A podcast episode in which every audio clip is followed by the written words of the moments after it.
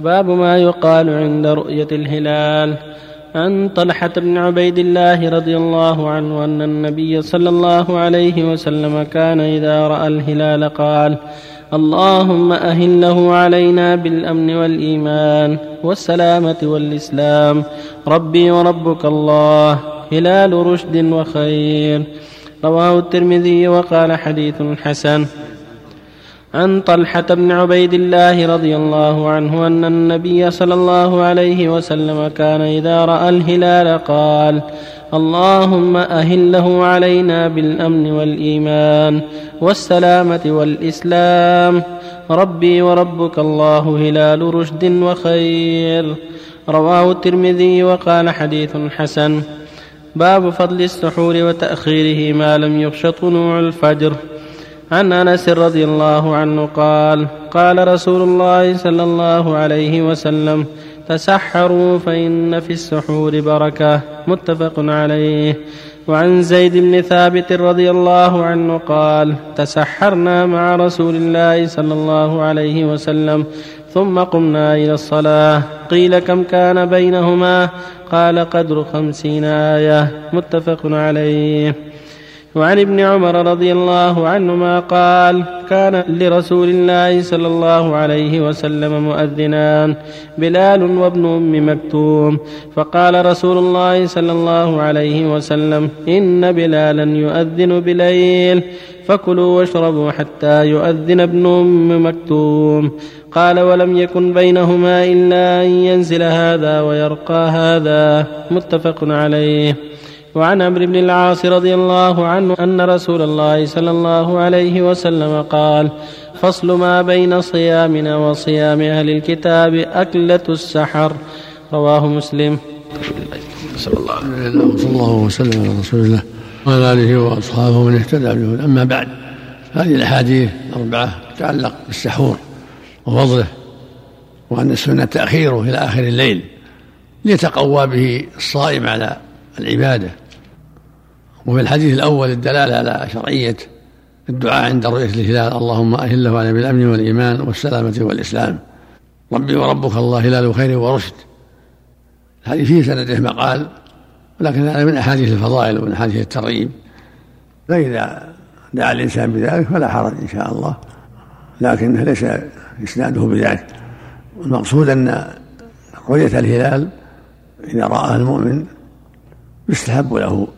أن يدعو بهذا الدعاء لما فيه من الخير العظيم أهله بالأمن والإيمان والسلامة والإسلام.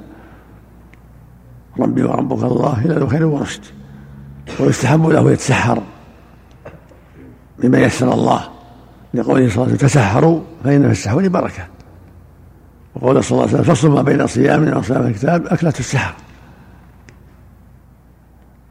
وفي حديث زيد بن ثابت الدلاله على أنه كان يؤخر السحور إلى قرب الفجر ليكون ابلغ في القوة على العبادة والصيام. كان قلت له كم كم كان بين الأذان والسحور؟ قال قدر خمسين آية. في اللفظ الآخر كم كان بين الأذان والسحور؟ قال قدر خمسين آية. فمعنى أنه كان ينتهي من السحور قبل الأذان بقليل. ولهذا قال صلى الله عليه وسلم. النبي لا يؤذن بليل فكلوا واشربوا حتى ينادي ابن مكتوم أما كان بينهما مدة يسيرة. يصعد هذا وينزل هذا. يعني مدة يسيرة. دل على أن الأفضل التأخير وأن السنة يكون السحور في آخر الليل وأن ينتهي منه قبل الأذان بقليل حتى يكون ذلك أقوى في العمل. عندك تهاشي على الأول حديث الهلال الحاشية. اقرأها. حتى رواه الترمذي الأول؟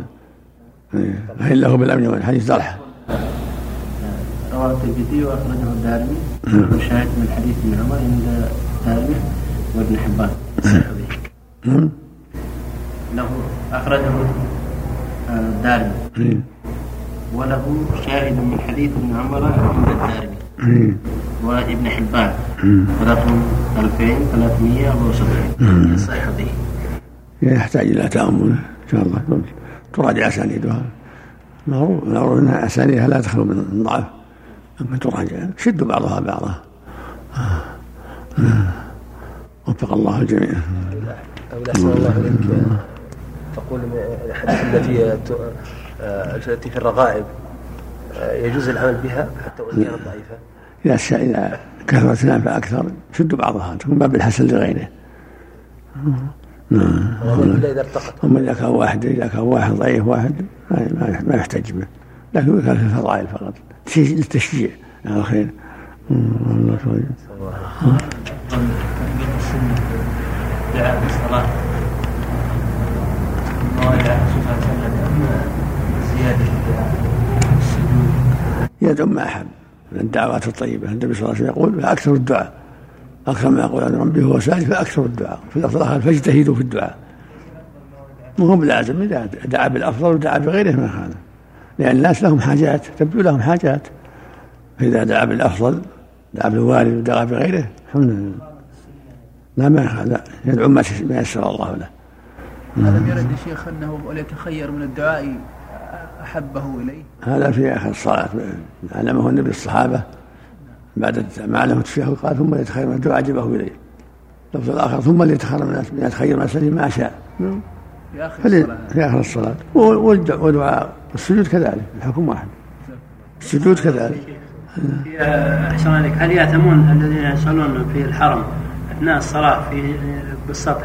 في يعني أثناء الصلاة في ناس يتكلمون وإنشاء يتقوون وفي الصلاة مقامة صلاة التراويح هل يأثمون أحسن الله إليك؟ لا ما يأثمون. نافلة التراويح نافلة ما هي فريضة. لكن بس لا يشوشون على الناس إذا صار حولهم يصلي لا يشوشون عليهم. الواجب عليهم عدم التشويش. أما إذا كان ما حولهم أحد يشوشون عليه ما يخالف. طيب أحسن عليك الفرق بين التراويح والقيام والتهجد كلها يسمى قيام يسمى تراويح اصطلاحا. يسمى قيام. يسمى قيام الليل ويسمى التراويح بالنسبة إلى ما رواه البخاري. في العشر الأخيرة السنة إحياء الليل؟ نعم. بالنسبة إلى ما رواه البخاري معلقا هل يجزم بصحته؟ يختلف إذا كان رواه جازما وصحيح وإذا كان رواه بالتمرين يذكر ويروى ضعيف وضعيف. أحسن الله إليك. إذا كان الحديث بمجموع طرقه لا يتقوى إلى الحسن لغيره وكان ضعيف لا يعمل به في الرقائق؟ لا ما ما تثبت في السنة لكن بس يشجع به من باب التشجيع على الشيء الثابت يعني. سواء في الصلاة في الصيام يشجع على الشيء الثابت. يعني يجوز العمل. يكون باب التشجيع من باب الترغيب في شيء ثابت. مو بيثبت بحكمه. نعم. الضعيف ما يثبت بحكم لكن يشجع به أحكام ثابتة. نعم. الله عليك. مثل في فضل صيام رمضان في فضل صيام يوم عرفة مثل في صيام اللي هو الخميس هي ثابتة بالادله الصحيحة. إذا جاءت هذه فيها ترغيب الله عليك. من باب التشجيع هل يجوز صلاة الاستخارة؟ نعم. هل يجوز صلاة الاستخارة بعد العصر؟ لا لا في وقت واسع وقت الاستخارة لا أي وقت حتى أوقات النهي لا لا أوقات النهي لا.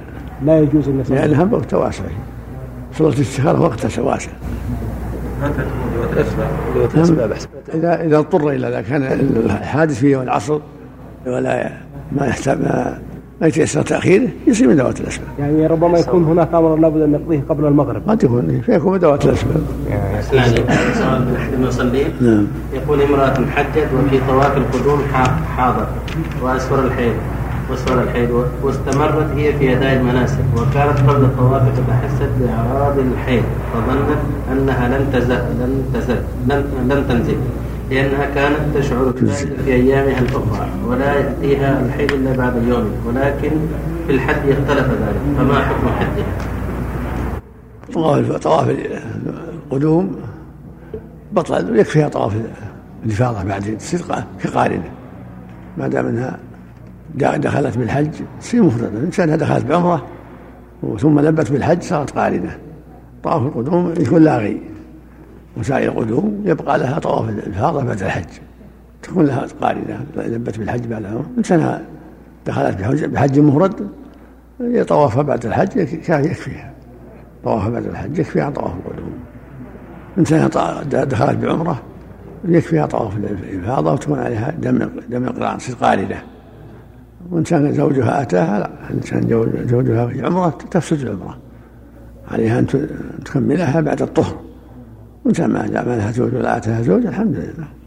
طواف الحج يكفيها لأنها تختلف. إنسان مربت بالعمرة تكون قارنة. وإنسان لبت بالحج تكون على على حالها حج مفرد ويكون طوافها لاغي الطواف الأول ويكفيه عن طواف الإفاضة.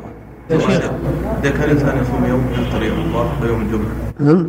إذا كان الإنسان يصوم يوم ويفطر يوم ووافق يوم الجمعة. يفطر يوم الجمعة ويصوم السبت. الحمد لله. وافق يوم الجمعة صيام. يوم الصيام يوم الصيام. يصوم يوم الجمعة ويفطر يوم السبت. لأنه ما ما صام لأجل الجمعة صام لأجل قاعدة. يصوم يوم ويفطر يوم.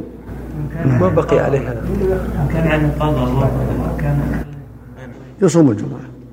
يصوم الجمعة لأنه واجب عليه. شيخ أحسن الله بالنسبة لمسألة التوسل بالصالحين هل هي من المسائل الخلافية التي لا ينكر فيها على المخالف؟ توسل به سوء سوء بجاه الصالح. هي مسائل المسائل من مسائل الخلافية لكنها على كل حال الواجب تركها لأن القول بها ما عليه دليل. نعم. يعني ينكر على المخالف. لأنها عبادات توقيفية العبادة توقيفية لابد فيها من دليل. يلزم لا الإنكار يتوسل إلا بالأسماء الحسنى أو بالصفات أو بالأعمال الصالحة. أما جاه فلان أو حق فلان بدعة. يلزم الإنكار. يعني يلزم الإنكار. لأن خلاف الشرع. يقول النبي صلى الله عليه وسلم من أحدث في أمرنا هذا ما ليس. أما إذا كان بدعائه يقول ادعو الله لي لا بأس تقول لأخيك ادعو الله لي هذا مثل ما قال النبي صلى الله عليه وسلم الحي القادم؟ الحي هذا بالنسبة للحي فقط إيه. لأنه يقصد الص... قد يقصد الأموات لا نقصد الأحياء يا شيخ. هذا على كل حال توسل بالصالحين إلى الله ما يصح لا حي ولا ميت لأن هناك عبارة لبعض العلماء يا شيخ قال أنها لا ينكر فيها على المخالف ها؟ لا هذا غلط غلط. الشيء واضح دليله ينكر فيه. أما مسألة اجتهاد ما فيها دليل هذا لا ينكر فيه. مسائل اجتهادية ما فيها دليل ما فيها إنكار.